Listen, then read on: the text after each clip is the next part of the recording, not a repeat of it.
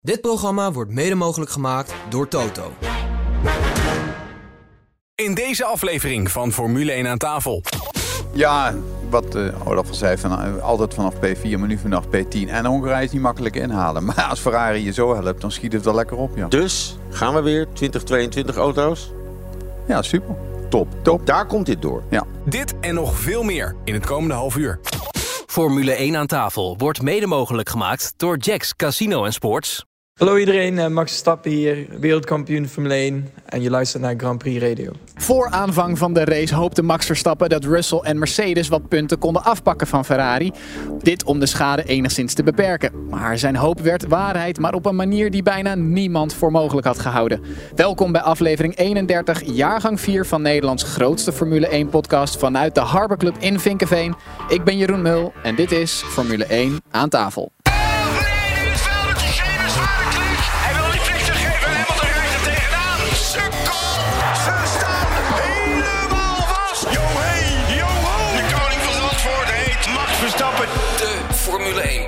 Podcast. Formule 1 aan tafel.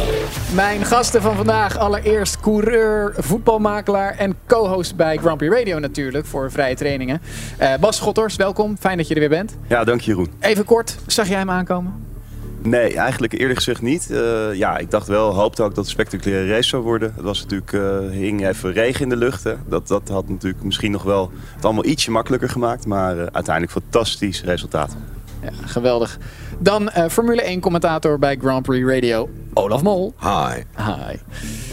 Ging jij wel eens plassen tijdens de race? Zeker wel. En uh, dat heb ik in het verleden als vrije training waren. Liep ik even naar de box van de ZDF. Want die man die was er eigenlijk nooit. Dus dan plaste ik altijd in zijn, uh, in zijn prullenbak. Dus die moet ook gedacht hebben. Wat ruiken die commentaar precies raar. en als moet deed ik dat gewoon in een flesje. En dan liet dan afloop staan. En de mensen die gingen afbouwen dachten dat er Sina stond. En dat was het ook niet. Eet smakelijk. Uh, en dan daarnaast vaste waarde bij F1 aan tafel en Formule 1 analist. Terwijl ik word aangevallen door een wesp. Uh, Frans Verschuur, korte vraag voor jou. Alonso gaat naar Aston Martin. Wat jij die uh, aanzien komen? Was die verrassend? Nee, ik had hem niet aanzien komen, maar ik vind het wel verrassend. Laten we snel beginnen. Max Verstappen staat na een hopeloze Q3 op P10. Problemen in de kwalificatie zorgden ervoor dat de Red Bull de motoren van zowel Verstappen als Perez heeft moeten vervangen. Zonder consequenties overigens. Uh, vooraan staan dan de verrassend gekwalificeerde George Russell op pole position. Met daarachter Charles Leclerc en Carlos Sainz. We gaan naar Olaf Mol.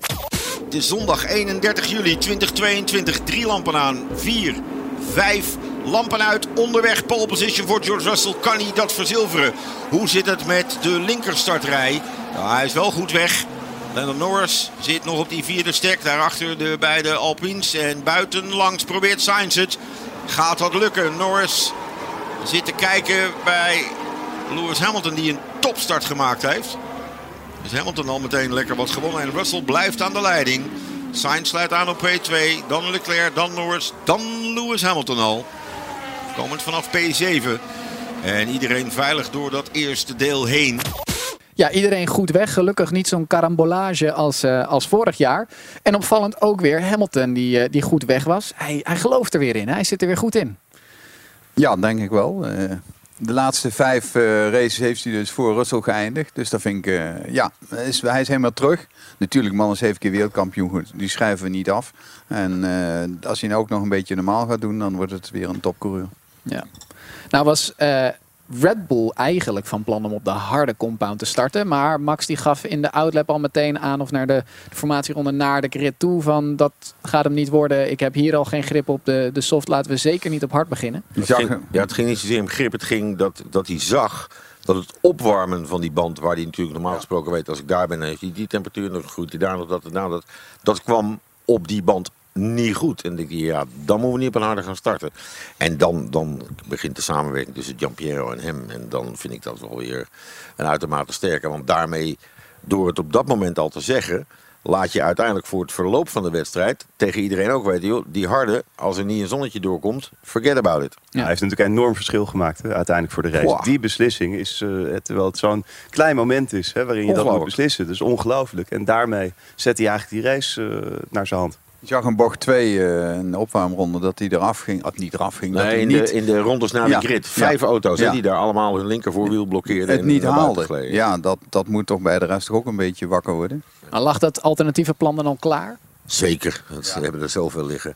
En dat is, dat is wat mij nog steeds verbaast. Maar we komen misschien later wel over. Dat dat bij Ferrari niet het geval is. Daar Ja, het is ook de ervaring. Hè? Het is ook wel Max die op basis van zijn ervaring, die hij inmiddels toch wel heeft, dit aanvoelt. Want het is uiteindelijk zijn call.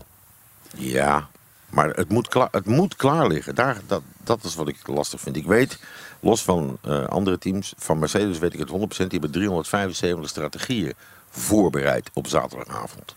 En dat betekent gewoon, dat, dat, en dat, dat gaat heel ver.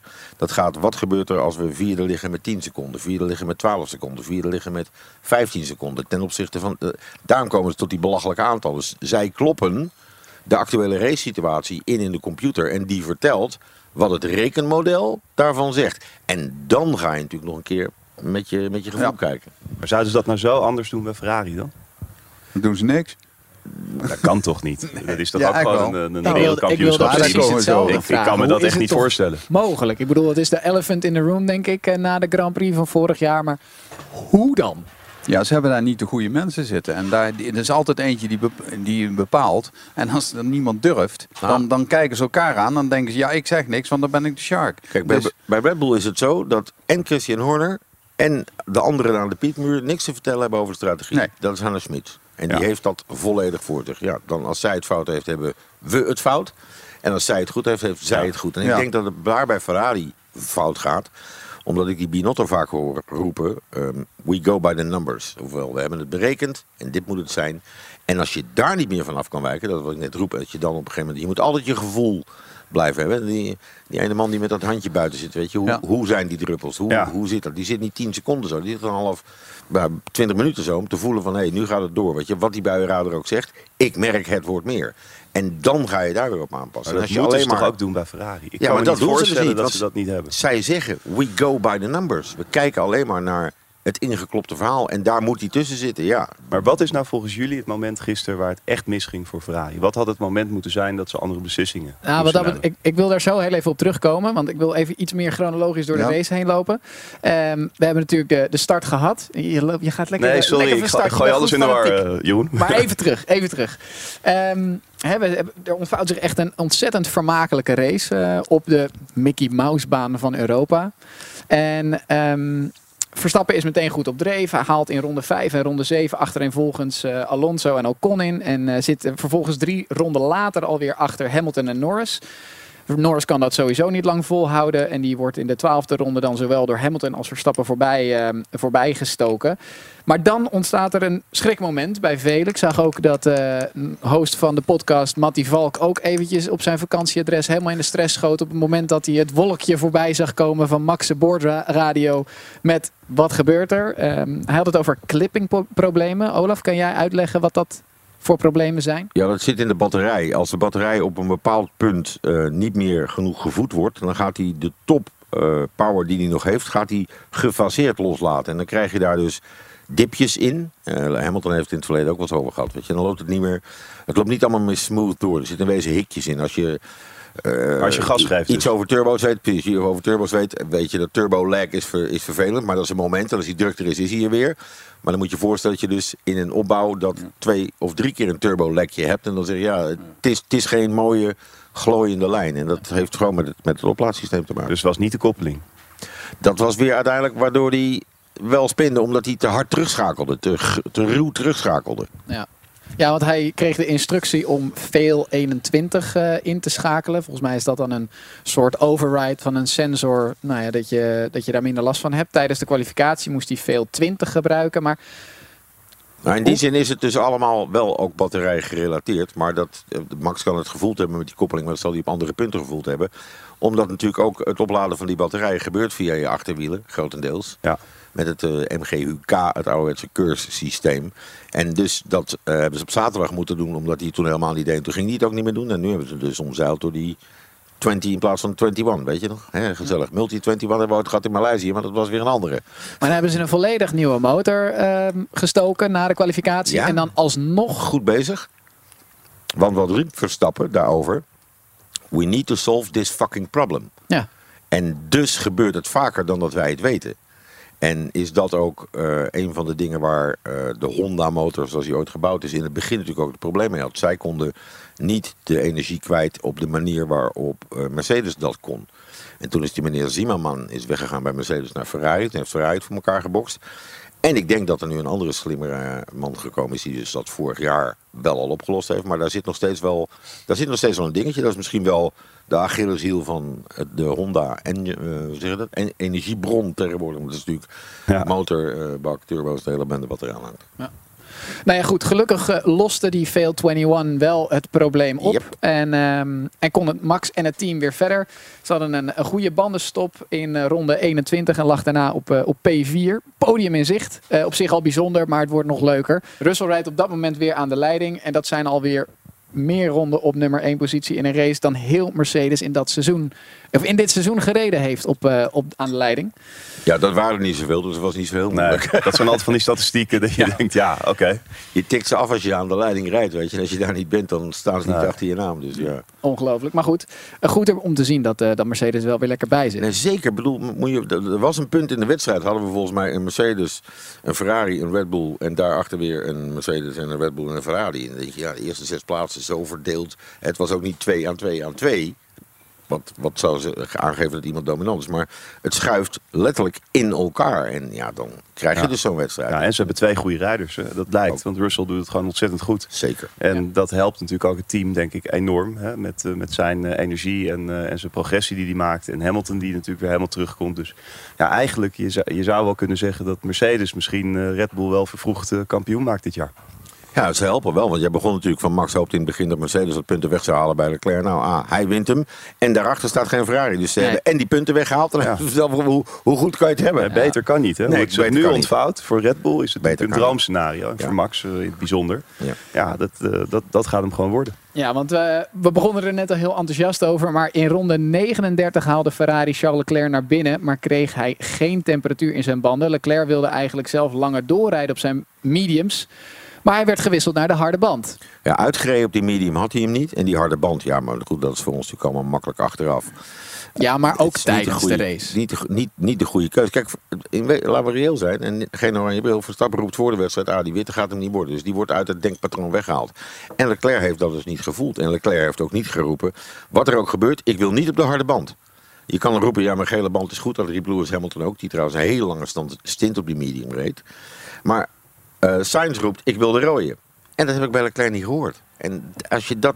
Ja, maar dat is wat het ik niet bedoel, afdwingt, Olaf. als Dat je is, het dat niet is of die ervaring of de, of de, weet je, de, de talent ook voor... eh, Hardheid kan ja. het ook zijn. Maar het team had toch ook kunnen zien dat de witte het niet deed. Want, want eh, hoe heet die? Eh, ze zaten ook bij Alpine ronde en dat ze het ook. Magnussen heeft een vrij korte stint op die harde Ja. band gereden. Alleen, Daar deed hij het ook niet. maar dan komt de hoogmoed weer. Ja, maar ja, eh, wij gaan ons niet meten aan wat niet lukt op een haas. Dat zal ons dan weer wel lukken. Nou, ik denk dat ze binnenkort... ja, eh, ze, hè? ze weten het wel. Maar ik ben- ben dan. Ik sloeg helemaal stijl achterover toen ik hoorde wat Binotto na afloop van de race hierover zei. Want hij gaf inderdaad aan van, nou ja goed, onze strategie gaf aan en onze berekeningen gaf aan en de simulaties gaven aan dat die harde band tien rondjes even nodig had om temperatuur op te bouwen. Even tien rondjes, ja. Maar dan eh, veel sneller zou zijn. En eh, het probleem lag dus niet bij de strategie, maar op een of andere manier dat de auto niet deed wat we ervan hadden verwacht. Terwijl ik letterlijk niemand heb gehoord die tijdens die pitstop, tijdens die pitstop, wel er live uitzending was, zei van, oh dat is een goede call, harde band. Iedereen was verbaasd. Ja, het is, blijft bizar dat wij het aan de andere kant van de televisie kunnen zien. En zij dus niemand hebben die met dusdanige afstand kijkt.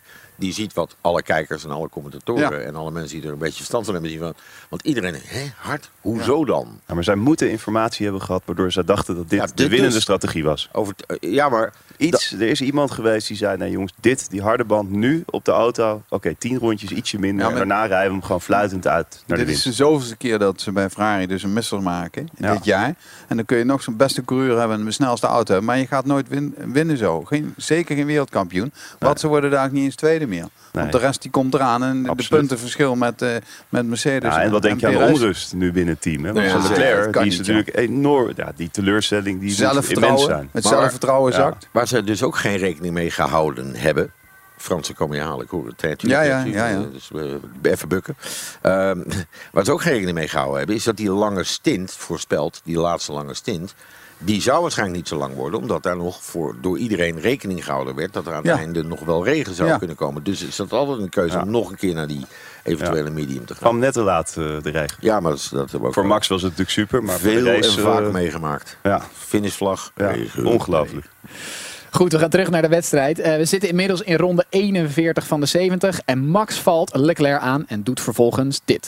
Snelste raceronde voor de Nederlander. Zojuist voorbij gelaten door zijn teamgenoot. En daarnaast elkaar richting bocht 1. Samen met Charles Leclerc. Leclerc op hard verstappen op de medium. Leclerc probeert terug te kruisen. Maar er is meer exit speed. En daar rijdt hij ineens op een podiumplek. Wow. Ja, een inhaalactie op zijn Verstappens. Ja, heel goed. Maar vervolgens gebeurt er dit. Spin Verstappen. En teruggevallen tot voor de deur bij Perez. Wat is daar gebeurd dan? Dikke rookwolk. Man. Hongarije, altijd gek. Ja, weer een, eh, weer een fragment van Verstappen wat de wereld overgaat volgens mij, online overal. Maar niet de eerste keer. En niet de eerste keer, nee. Nee, Nee. in Brazilië had hij natuurlijk al die Ja, wonderbaarlijke was- redding. Maar dat was nog niet eens een hele niet, spin. In. Silverstone dit jaar had hij ook nog zo'n 360. Volgens Ja. mij in de kwalificatie. Ja, Hockenheim inderdaad. Hockenheim toen op die curb. En dat was onder, onder, half nat Maar ja, omstandigheden. hij rijdt altijd op de limiet. En eh, ja, nu met inderdaad het, eh, dat probleem wat dan in de auto zat. maar het eindigt niet in tranen. Dat is Nee, bizar. hij redt hem gewoon zo hij- bijzonder. niet eens met zijn banden zo heel erg. Heel veel een spinnetje met de achterwielen, maar viel ook wel mee. Perez hier slim trouwens. Hè? Heel slim.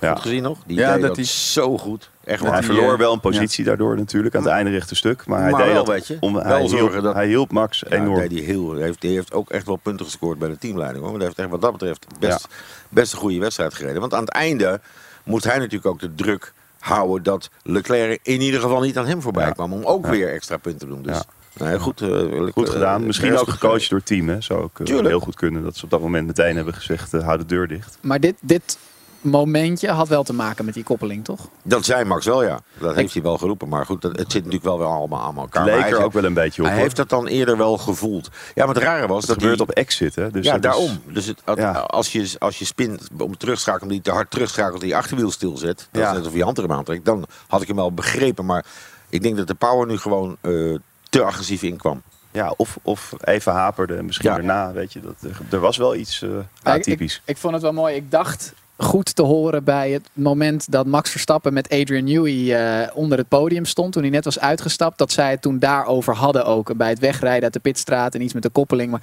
mooi om te zien dat die, die ja, Newey er altijd zo bovenop blijft zitten. Ja. Ja, en inderdaad die onboard van Max. Ja, maar ja. na zo'n winst, Jeroen, staat iedereen natuurlijk met elkaar eh, te lachen. En eh, hè, die spin wordt dan honderd keer besproken. Ja, met een grote zeker. glimlach. En, maar als hij hem niet had gewonnen, dan Ja, het was er het heel anders anders gestaan. Hè? Maar ik vond het zo mooi zelf om te zien in die onboard. Je ziet tijdens die spin dat Max de hele spin compleet under control was. Hij wist precies wat hij wanneer moest doen. Dus Koppeling, pap, pap. Ja. inknijpen op het juiste moment. Ja, prachtig. De leider op dat moment in de wedstrijd heet Lewis Hamilton, maar ook hij moet naar binnen. Leider in de wedstrijd komt naar binnen. En dat is Lewis Hamilton. En dus komt Verstappen aan de leiding. Deze baan had ik niet gedacht dat je vanaf P10 een race zou kunnen winnen. Maar we zijn er nog niet. We zijn er nog niet. We waren er nog niet. 18 ronden voor het einde was dit. Jij moest zelf ook even lachen om die situatie. Nee, natuurlijk. Want ik bedoel, het, het is sowieso eh, geweldig om te zien dat Hamilton dan toch die mooie lange stint zet. Die niet ligt door te zeggen, mijn banden zijn nog goed. Dus de rondetijden bleven goed. Hij zat daar wel. En die, die ging echt geloven dat hij die wedstrijd zou kunnen winnen.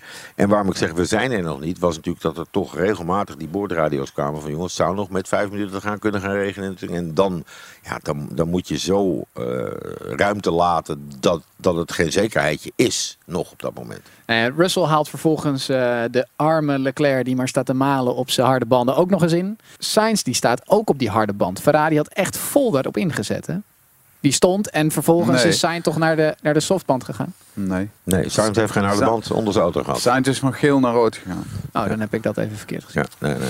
Maar goed, Sainz die, eh, ehm, die wordt dan ook nog door, van het podium gereden door Hamilton. Ja. Ehm, en Lewis haalt dan ook nog even Russell in.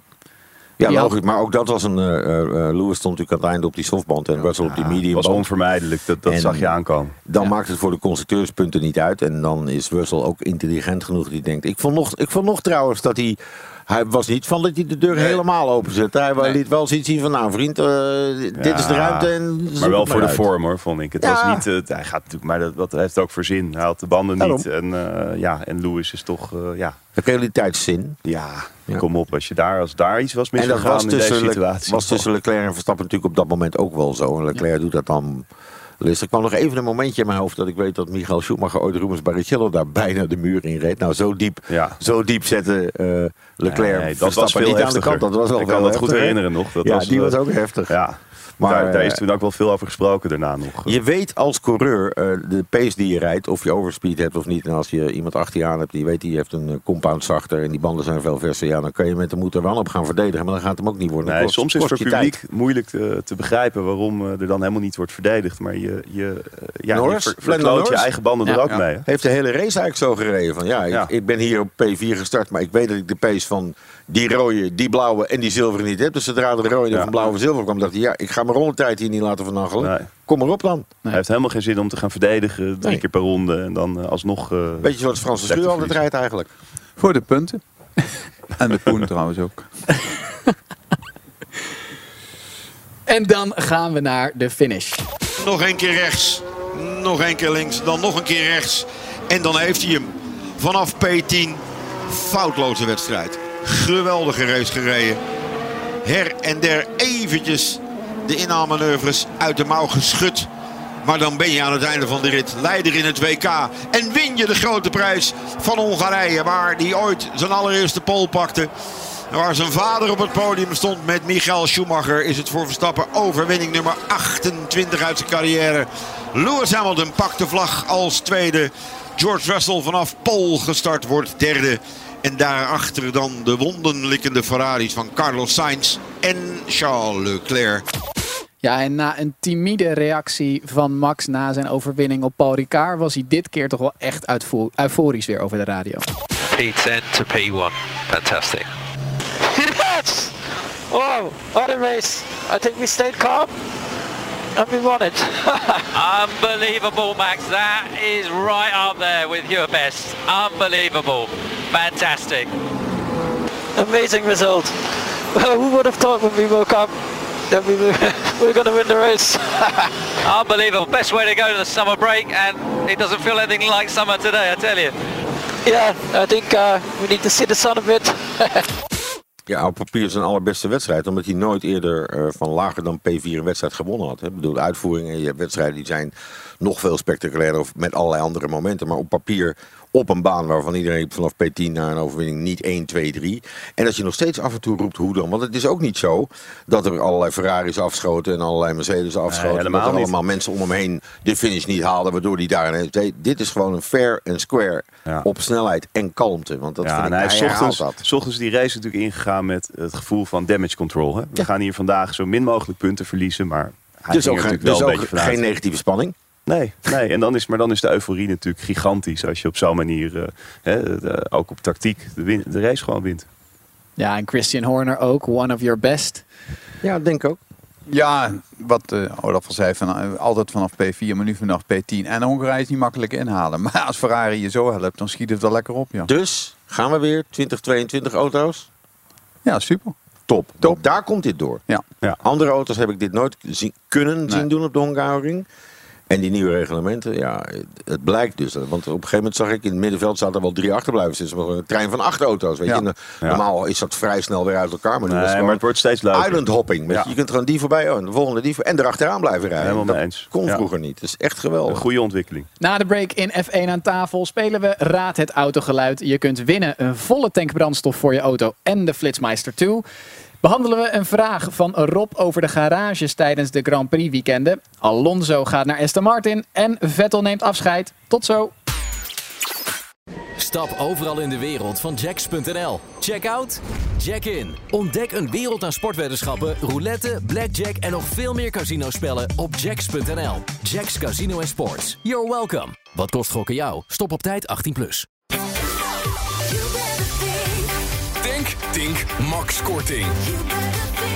Profiteer en race nu naar dink.nl.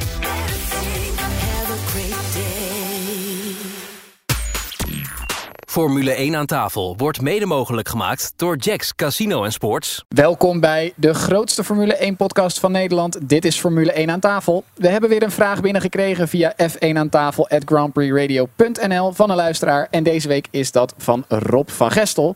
En hij vraagt, tijdens de F1 weekenden rijden ook veel supportklassen. In de F1 uitzendingen zie ik vaak dat zo goed als alle pitgarages in gebruik zijn door de F1 teams. Hoe kunnen supportklassen teams garage gebruiken als mede hun pitstops maken als die plekken al bezet zijn door de F1.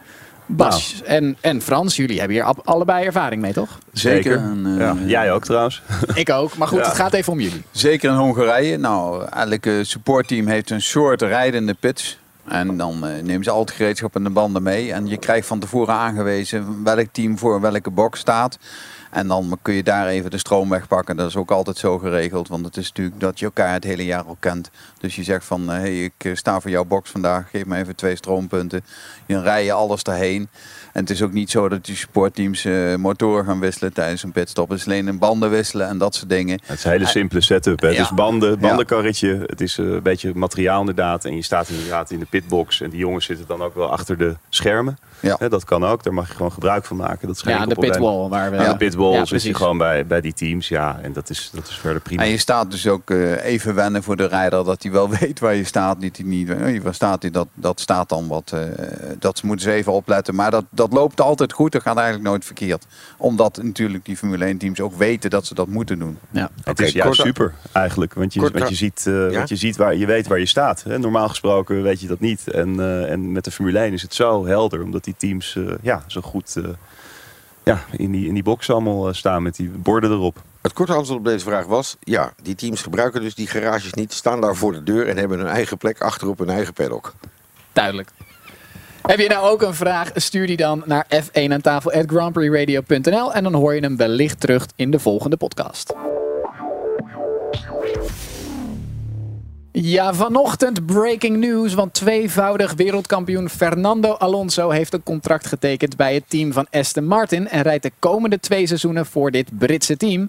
Dit nieuws komt eh, vandaag als een donderslag bij heldere hemel. De verwachting was namelijk dat de Spanjaard zijn contract bij Alpine zou openbreken, maar daar is dus niets van waar. Bij Aston Martin wordt hij de vervanger van Sebastian Vettel die voorafgaand aan de Grand Prix van Hongarije zijn vertrek uit de Formule 1 aankondigde. En hij wordt dus de teamgenoot van Lance Stroll. Ja, eh. Ocon doet het ook niet verkeerd. Hè? Dus dit jaar, hij staat een punten voor Alonso. Dus ik denk dat, eh, eh, ja, dat bij Renault, waar Piastri zit, dat ze daar wel heel veel van gaan verwachten in de toekomst. Dus, en eh Lance Stroll is wel iemand die de portemonnee trekt, denk ik. eh, en Alonso gewoon een beter salaris voor twee jaar heeft aangeboden dan Renault. Is daar iets over bekend? wat, wat er betaald wordt in dat Nou, contract? Fernando is wat dat betreft natuurlijk niet, niet de makkelijkste en zeker ook niet de goedkoopste. En hij weet zijn huid altijd vrij duur te verkopen. We moeten ook reëel zijn dus dat Fernando Alonso eh, sinds zijn wereldkampioenschappen eigenlijk altijd de foute keuzes gemaakt heeft. Hij Ja. ging naar Ferrari, is Ja, daar niet gebleven tot ze weer beter waren. Eh, eh, naar Alpine op het moment dat ze daar wel wat beter gaan, maar het is ineens midfield geworden. En ik denk dat hij volgend jaar heel hard zal moeten rijden om met Aston Martin een steady top 10 auto eh, te Ja, maar ik hoorde wel dat er een heel ambitieus plan is. Ja, Een tuurlijk. vijfjarenplan, er gaat heel veel geld in. Weten jullie daar meer over? Ja, wat dat wat er helpt. gebeurt? Dat helpt, weet je, Ja. want er is een budgetcap, dus het is vooral handig dat je er heel veel geld in Maar gooit. is er ook een De- plan? De, de truc is waar, ja. Nou ja, Fernando heeft zelf een quote gegeven hierover. En die zegt: Ik zag hoe het team systematisch mensen heeft aangetrokken die in het verleden bijzonder succesvol zijn geweest. En ik weet dat er een nieuwe, veelbelovende fabriek komt in Silverstone. Geen enkel Formule 1 team heeft een duidelijker, duidelijkere visie dat ze willen winnen. En dat maakt dit een bijzonder mooie kans voor mij. Nou ja, dit vind ik weer een, eh, een gesprek voor de bühne. Ja. En eh, dat, dat, moet, hij, dat heeft hij gezegd. Hij had gewoon moeten zeggen, ik ga daar meer geld beuren en ik kan twee jaar tekenen, dus twee jaar beuren. en ja, Alpine die betaalt niet zoveel. En eh, Aston Martin heeft wel een nieuwe fabriek, maar die doet het ook niet van een op de andere dag. Wat ook meespeelt is dat ik denk dat hij op een nette manier ruimte maakt voor Piastri. Hè? Want Ja. vergis je niet, Piastri wordt natuurlijk gemanaged door Mark Webber. Alonso Webber kennen elkaar goed. Hij weet dat hij daar zit. Zij roepen van ja, als je weg kan is dat natuurlijk chiquer als dat we roepen eh, We gaan niet door met je, want we willen Piastri Ja. erin hebben. Ja. Dus het is, het is denk ik een hele mooie oplossing. Oude Stroll doet er hier trouwens over. Eh, het lijkt een natuurlijke gang van zaken om Fernando eh, uit te nodigen om deel te worden van de ontwikkeling van een winnend team. En we zijn heel blij en we waren heel snel in onze gesprekken. En we hebben samen de ambities en de waarden om ja, dit logische en makkelijk in te vullen plan tot uitvoering te brengen. Maar wat een gelul, hè? Eigenlijk, als je hier naar luistert. Ik, bedoel, Ik krijg er bijna mijn nou strot niet over? uit, hè? Nee. denk je dat? Wat is het nou voor ons? Ah, Stroll is wel iemand die gecharmeerd is van mensen met een naam. Hè? Die Ja. neemt geen risico met rijders. Dus in dat opzicht eh, had hij eh, Vettel. Mick En- Schumacher was dan nooit wat geworden. Nee. Nee, maar het Nee. ligt voor Nee. de hand, deze move. Nee. En, en, en, maar ja, we gaan het wel zien. Maar Maar, ik hij verwacht neemt- er niet al te veel van. Hij neemt toch ook niet het risico om een andere jonge hond die dan Lance van, de, van zijn sokken rijdt naast hem te zetten. Als hij nu Fernando Alonso ernaast zet die beter is dan Lance, dan is het ja, maar dat is Fernando Alonso. Precies, ja. Ja, dat klopt. Het autogeluid. We geven je in F1 aan tafel de kans om een volle tank brandstof voor je auto en de Flitsmeister 2 ter waarde van 80 euro te winnen in Raad het Autogeluid.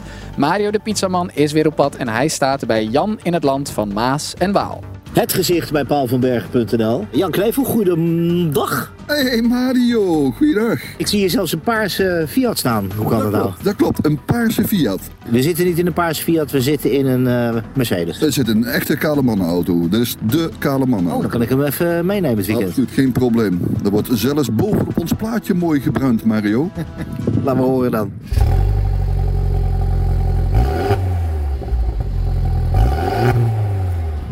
Waarom is dat een kale mannenauto? Ja, een kale mannenauto, omdat de zon ook heerlijk op ons kale bolletje komt met dit autootje. Oké, nou, het gaat hier nergens over. Waar vinden we deze auto? Die vinden we zoals altijd op www.paulvanbergen.nl. Ja, daar vind je ze wel. Weet jij van welke auto je zojuist het geluid hoorde? Stuur je antwoord naar f1 aan tafel at grandprixradio.nl. De winnaar van vorige week is Sebastiaan Kerkhaard. En het geluid was dat van een Mercedes GLC Coupé 350 Hybrid.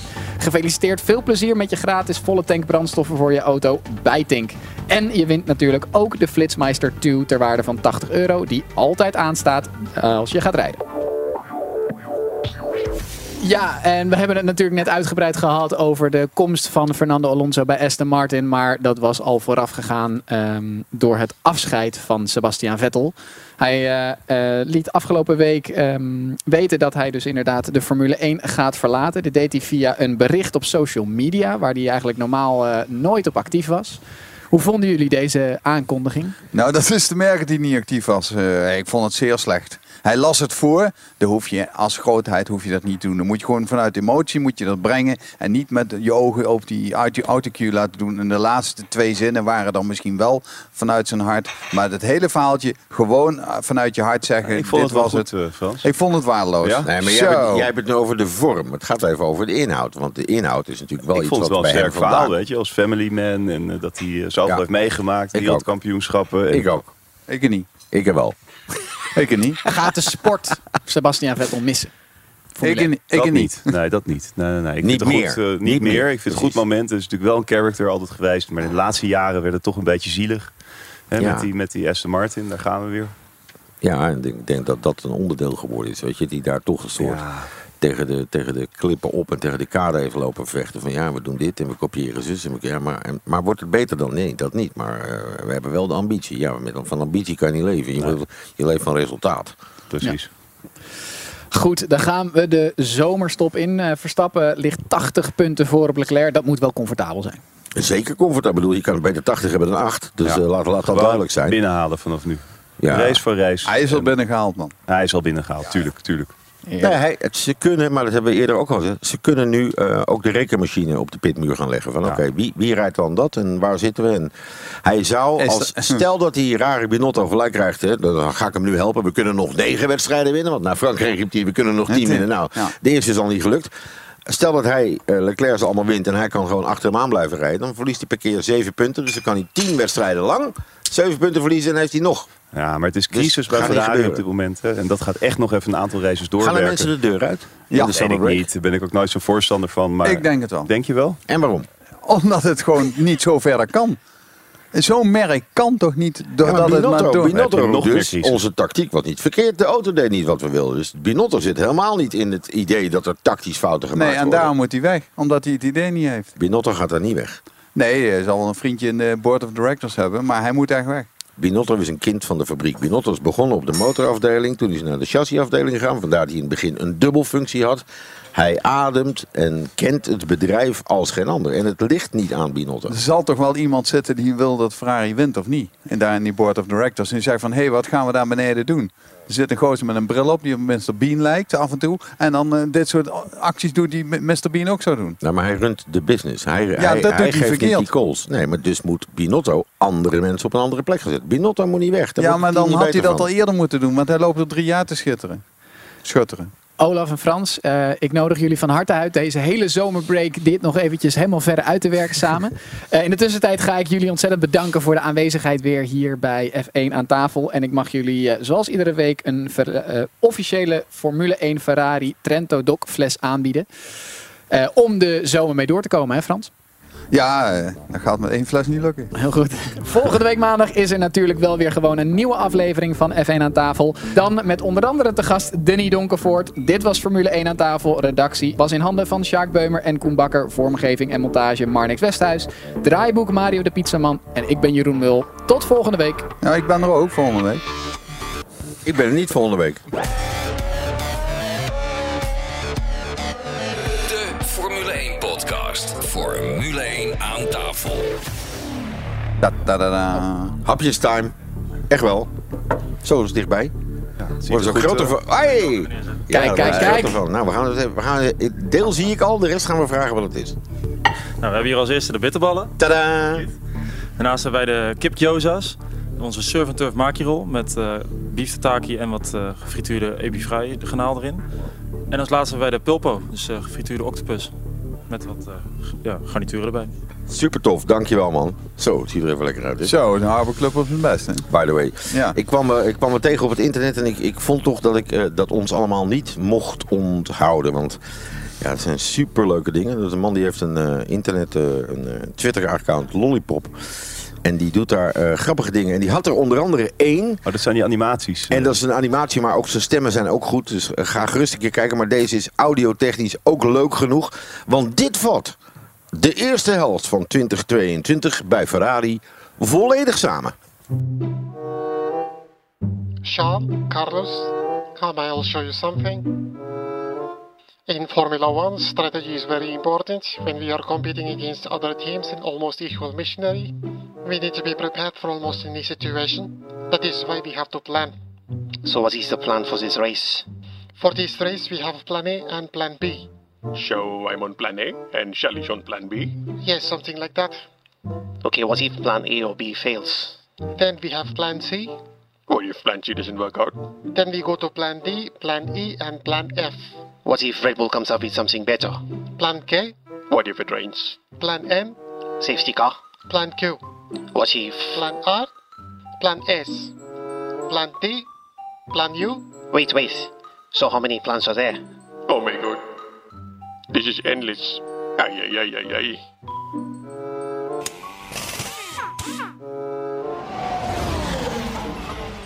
Is toch te grappig dit? En ik vind de stemmen, de stemmen zijn ook gewoon, die, die zijn goed gelukt hè, wat dat betreft. Was maar het- het valt er toch samen gewoon? Ja, nee, Wat maar dan? dat is ja, ook dan zo. doen we dat. En wat? Ja, dan doen we dat. En, eh, Ja, het is leuker dan je denkt hè? plan O, ontslag Binotto. Formule 1 aan tafel wordt mede mogelijk gemaakt door Jacks Casino en Sports. Let op. Alle gebruik van hetgeen in deze podcast F1 aan tafel wordt opgemerkt is ongeoorloofd. Zonder expliciete schriftelijke toestemming te zaken verkregen van Grand Prix Radio. Met inachtneming van een duidelijke, deugdelijke bronvermelding met link.